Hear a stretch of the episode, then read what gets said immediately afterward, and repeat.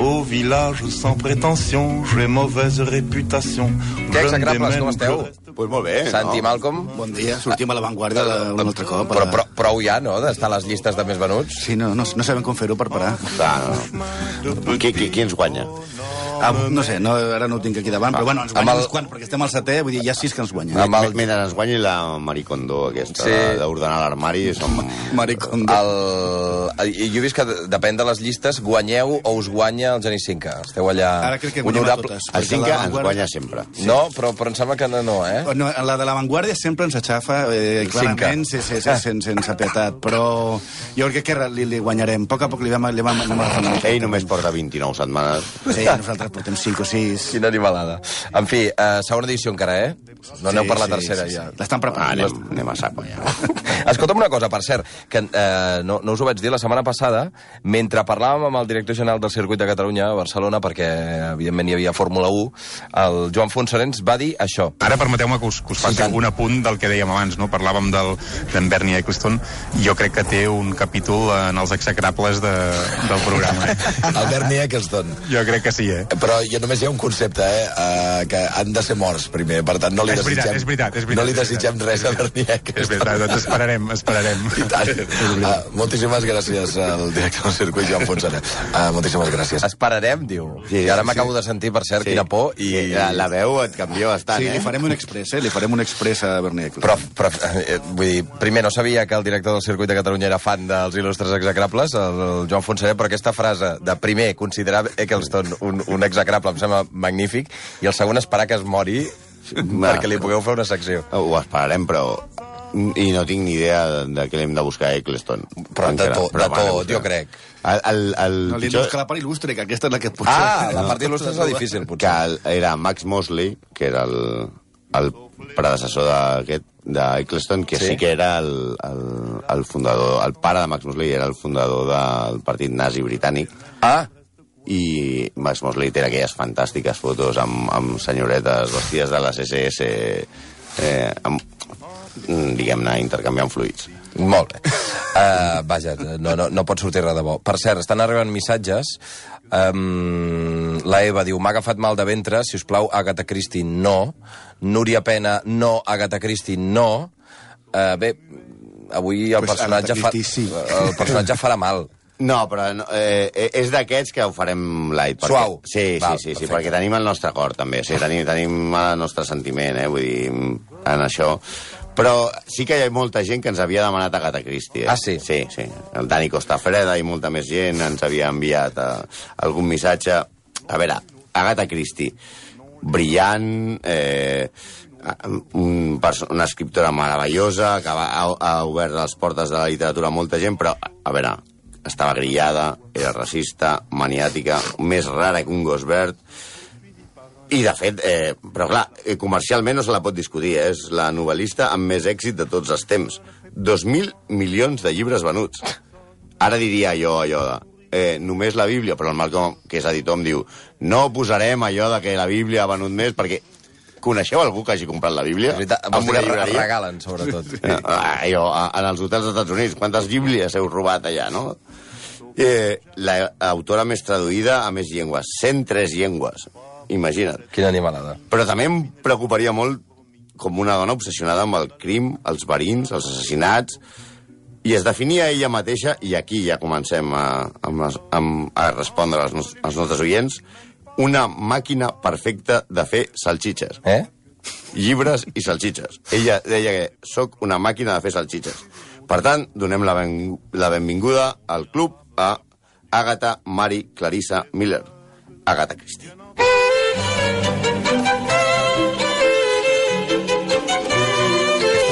Ja només em fa somriure, ja només ah. començar. Sí, però per què Fawlty Towers? Perquè Agatha, L'Hotel Fawlty, vaja.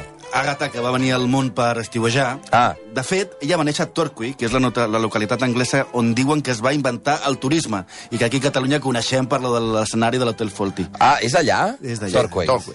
I ella, ella va néixer una, una família de molta pasta, però que el seu pare es va fondre per la seva addicció al, al joc. Sí, la, la Agatha Christie definia el seu pare com molt carinyosament, segurament, un gandul amb un gran cor que probablement mai hagués estat bo en cap mena de feina. Molt bé. Pels de l'ESO és més o menys el que pesen el, els vostres pares de vosaltres, però al revés. Sí. Mentre la família va tenir diners, Àgata no va anar, al- no va anar al col·le, tal com sona. Que, Ostres. a què mola, eh? La seva mare, quan li anava bé, li donava classes i de tant en tant venia un profe de piano. La resta del dia no feia res. Això pot estar bé una temporada, però a la llarga va convertint l'Àgata en una nena asocial, sense amics ni companys de jocs i realment malcriada i consentida. La bona part és que, com que no tenia amb qui jugar, va començar, la va, la, la, va agafar la biblioteca dels pares i va començar a llegir i a desenvolupar una imaginació fecunda.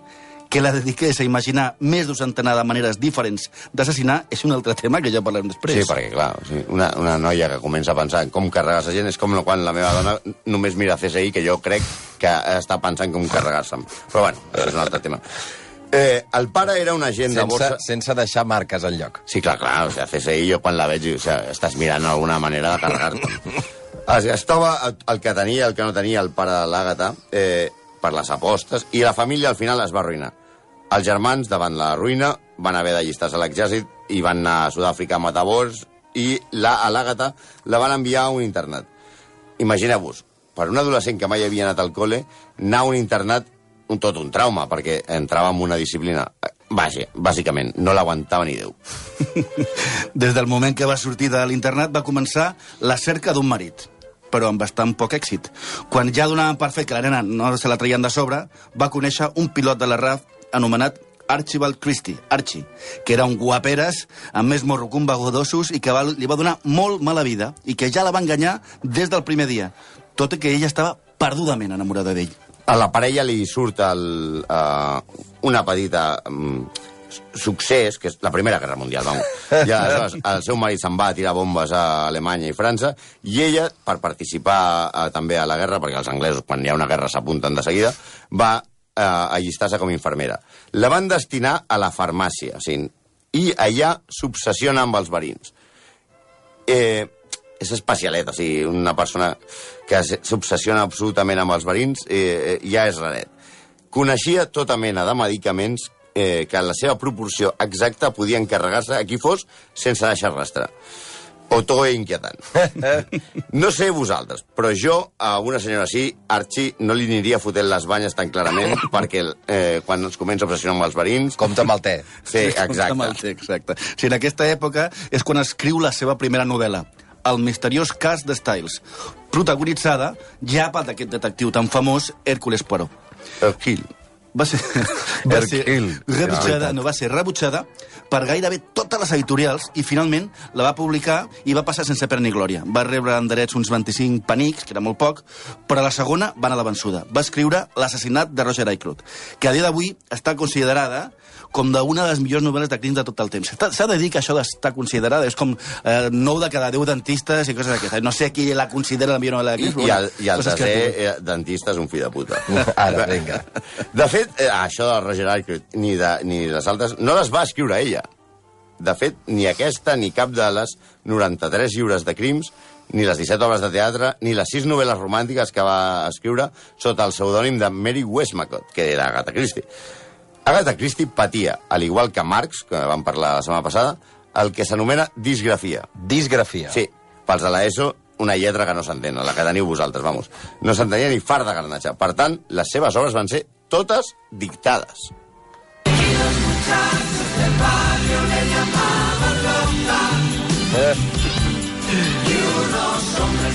Sí.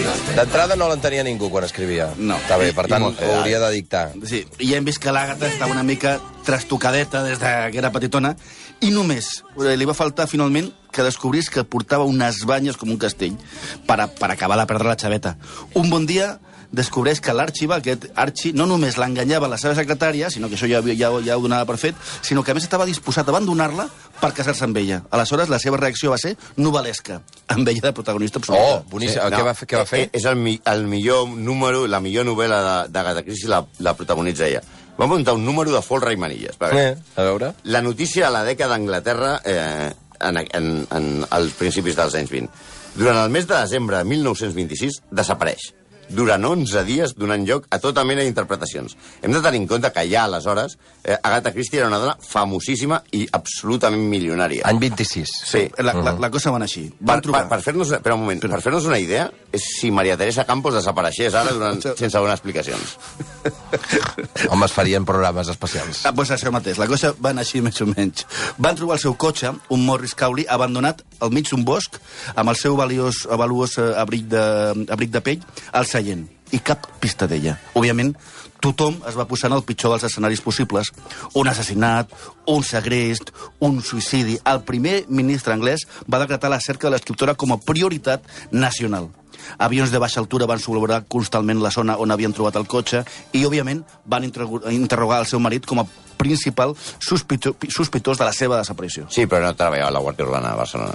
Ui. Hòstia... Aleshores, es va oferir una recompensa de 500 dòlars, que era, a aquella època era moltíssim, a tot aquell que aportés informació sobre ella. A més a més, per, per acabar de- d'arreglar-ho, el farmacèutic del barri va sortir dient que cada dia parlava amb ella sobre verins, cosa que va desfermar la idea del suïcidi.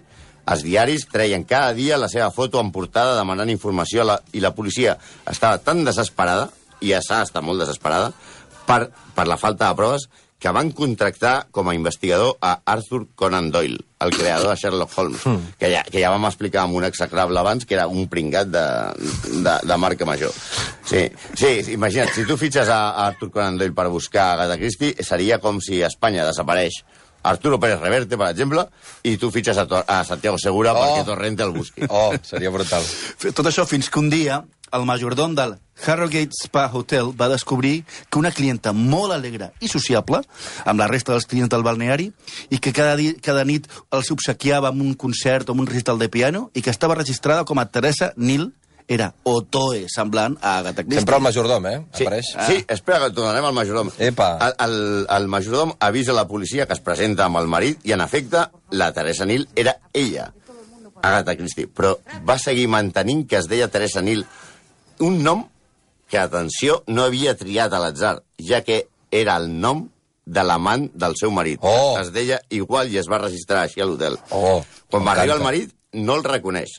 El dia següent va el seu germà i la seva cunyada i tampoc el reconeix. Tampoc reconeix quan li ensenyen una foto de la seva filla i els hostes de l'hotel només deien que la senyora, suposadament Teresa Nil, però que era Agatha Christie, estava dient durant 11 dies que era vídua, ensenyava la foto d'un bebè que no sé d'on l'havia tret i que deia que havia mort feia poques setmanes. No sé a vosaltres, però a, a nosaltres ens fa molt llullo la història. Però, però estava fent... O sigui, estava fent teatre o... o... Ah, Estava, no, no sé. Òbviament, va ser, va, va, la van posar en observació psiquiàtrica i va fer, per curar-se, va fer un viatge a Canàries amb la seva filla per Agatha. Christie. sí, sí, sí. Agatha Christie en Canàries. Eh, I d'un dia per l'altre se li va passar tot. Es va divorciar de l'Archibald i mai va tornar a parlar del tema ni va permetre que en cap entrevista li preguntessin per aquest episodi que segueix sent un misteri. Això que deies, sí, era una tàctica, era... S'han escrit desenes de llibres i s'ha fet pel·lícules sobre el tema buscant una explicació, però, com diria eh, Acebes, hi ha dues línies d'investigació. Una és termes psicològics, amnèsia, estat de fuga, trauma. L'altra és, que és la que està prenent més, for més força en, els, en, en, els, en les últimes biografies, és que era una venjança calculada contra el seu marit. Una sensacional campanya publicitària, a més a més. Durant aquells dies, que va estar desapareguda, es van esgotar les seves novel·les. Home, clar, tu Clar. diràs. I dius, hòstia, és molt enrevesat. Però si algú se li pot acudir, és Agatha Christie, no? One little, two little, three little Indians, four little, five little, Però ella eh, refà la seva vida després d'això o no? D'alguna manera. sí. Mira, dos anys després d'aquest incident es va tornar a casar, ara amb un arqueòleg que es deia Max Mallowan, i el que acompanyava les seves expedicions a Iran, Iraq, Egipte, que ella va ambientar moltes de les seves novel·les. I, mentre com no podia ser d'una altra manera, el seu marit li fotia les banyes. Pobre. Al mateix temps que esquilmava aquests països per omplir el British Museum de mòmies, àmfores i puntes de fletxa. I aquí on, és on arribem a un altre dels trets característics d'execrabilitat de la nostra amiga. Agatha comparteix amb la majoria dels membres d'aquest club el racisme. O millor dit, un, un, el supremacisme. Tot el que no fos anglès li semblava molt sospitós. Sí, la seva, la seva novel·la Deu negrets, que al tanto diuen un altre cop en aquestes coses que és la novel·la de la història més venuda de la història. Excepte 100 la milions de- Torna-hi. En 100 milions d'exemplars i que és un dels 10 llibres més venuts des de que Excepte Gutenberg... la Bíblia.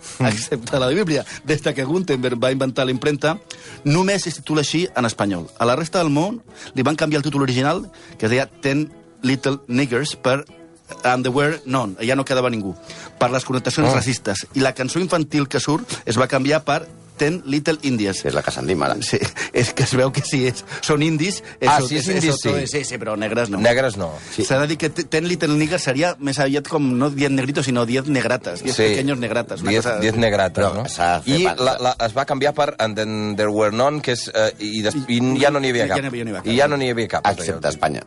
Que es va Se- se- mantenir... segueix el- dient diez negri- diez negritos. Sí, sí. Sí que seria mucho mejor 10 negrates, ara que he pensat. a, a, a les novel·les d'Agatha Christie, la majoria de personatges, a excepció de Poirot, que ara parlarem, que els que no són anglesos són incòmodes o sospitosos. I la Lliga Antidifamació Jueva va protestar pel retrat que feia dels jueus a les seves novel·les. Sempre es retrata com a personatges amb grans nassos i molt avariciosos.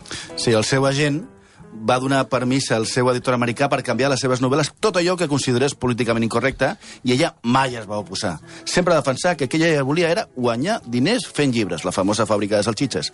I després d'interpretar els seus diaris, que gairebé calia la, la pedra roseta, ja hem parlat de la seva lletra, es troben frases com només escric per poder ampliar el jardí, anar-me de vacances o comprar-me un cotxe millor. Passió per la litera- literatura, sí senyor. Com el Trueba. Dit com el Trueba? Sí, clar, Però què, què té a veure el Trueba ara? Només fa per ampliar el jardí. ja té un jardí que arriba a la casa de campo. Eh, Hercule Poirot A veure, què li passa? és el seu personatge més immortal, Sí. juntament amb la pesada de Miss Marple. Eh, una senyora odiosa que, al igual que passa amb Jessica Fletcher, la de S'ha escrit un crim... Sí, per cert, si la veieu un dia i coincidiu amb Jessica Fletcher, foteu al camp de la festa, del càmping o d'on esteu. Perquè es, es sorteja una... Home, hi ha un... eh, Aquesta tia va arribar i, i mor. De fet, eh, hem arribat a la conclusió, el Malcolm i jo, que Fletcher és un assassín en sèrie. Sigui, no Sí, sí, pot sí, ser que sí. on arribi Sempre ella sempre es carreguin Sí, algú sí, sí, sí. i sempre tingui la culpa un altre. és ella la que s'ho carrega tot. Sí, sí, La Charles Manson de la literatura. Bueno, i que Agatha Christie, a qui odiava, era a Poirot. Per la teoria de la màquina de, amb la teoria de la màquina de salxitxes, no el matava perquè li donava molts diners. Va arribar a escriure, va arribar escriure d'ell que va pro- protagonitzar 33 novel·les i 54 relats que per què hauré creat aquesta detestable, rimbombant i fastigosa criatura? Home, senyora, perquè li donava auto de pasta desagraïda. Si no, haver-ho fet anglès, però clar, això ja ho havia fet Conan Doyle abans. Sí. Ella va intentar matar a Poirot en numeroses ocasions, però el públic no li permetia mai. De fet, tenia tantes ganes de matar a Poirot que va escriure una novel·la on mor eh, Poirot d'un infart, però va ordenar al seu, al seu agent literari que no la publiqués fins que ella morís. Finalment, quan ja no podia escriure perquè estava molt gran, eh, la novel·la On mor Poirot surt publicada en 1975. Un any després moria Agatha Christie. Suposem que per la seva desesperació el New York Times li va dedicar un dels seus legendaris obituaris a Poirot. És l'únic personatge de ficció que ha tingut l'honor de sortir a l'obituari del New York Times. Sí. El, el, aquest detectiu belga de les petites cèl·lules grises no era, una, no era l'única mania d'Agatha Christie, que, com podria testificar el seu eh, exmarit eh, Archibald, quan una cosa no li agradava, li enfilava la proa i de quina manera. Per exemple, un dia va fer un viatge a París, a Estambul, a l'Orient Express, i va ser literalment menjada per les xinxes del tren que no la deixaven dormir. Com a venjança va utilitzar el tren, el tren com a escenari d'una de les seves novel·les més immortals, una altra, Assassinat a l'Orient Express. Com el cas de Poirot, li va, va obtenir l'efecte contrari. L'Orient Express va fer immortal. Hauria d'haver agafat un rodalies d'aquí de la costa. Entre altres de les seves manies, a més a més de, de l'Orient Express i les xinxes, estaven, atenció, i, i cito literalment del seu diari, les multituds, els crits, el soroll, les xerrades massa llargues, les festes, els còctels, el fum de les cigarretes, el tabac en general, qualsevol mena de beguda, excepte en els dinars, la marmelada, les ostres, el menjar mig fred, el cel gris, les urpes dels ocells i, de fet, tota mena d'aus, i, per últim, rotundament, el sabor i l'olor de la llet calenta. Ah, i totes les adaptacions televisives o cinematogràfiques de les seves obres. Li semblaven espantoses. Sí, també va ser membre i presidenta del London Detection Club, un selecte club d'escriptors de misteri, i en els membres es van fer un jurament de no amagar mai, de no amagar les proves vitals del relat pel que els lectors ho puguin, ho, ho puguin descobrir. No obstant, no van dir res d'incloure en les últimes 15 planes un personatge que és la clau de tot el Sempre misteri i que no havia sortit en tota la trama. De... Estava. Ah, però això és, és Agatha Christie? Apareix el, el personatge? Hi ha uns quants. Uns quants que, que t'estàs... Eh, Tu penses, 200 és aquest, és aquest, és aquest. Diu, no, però tenia un padre perdido que viene. Jo crec que haurien d'haver prohibit aquesta escena que jo ho diu, que és aquesta de que reuneixen a tots els sospitosos i va dient tu no, tu no, tu sí. De veritat, digue-li a la policia i ja s'ha acabat, home, ja Sí, està si bé. tu descobreixes un assassinat, no reuneixes a l'assassí i tots els si altres cas, a veure a, què a un fa. saló, clar. I, I dues aportacions més per la nostra microsecció eh, contínua de això mai ho va dir. Se li Això m'agrada molt, això. Sí. A Agatha Christie se li atribueix la frase de el millor marit que pot tenir una dona és un arqueòleg perquè quan més vella et facis, més s'interessarà per tu. Oh, em sembla brillant, la frase. Pues no la va dir. Vaja. No la va dir.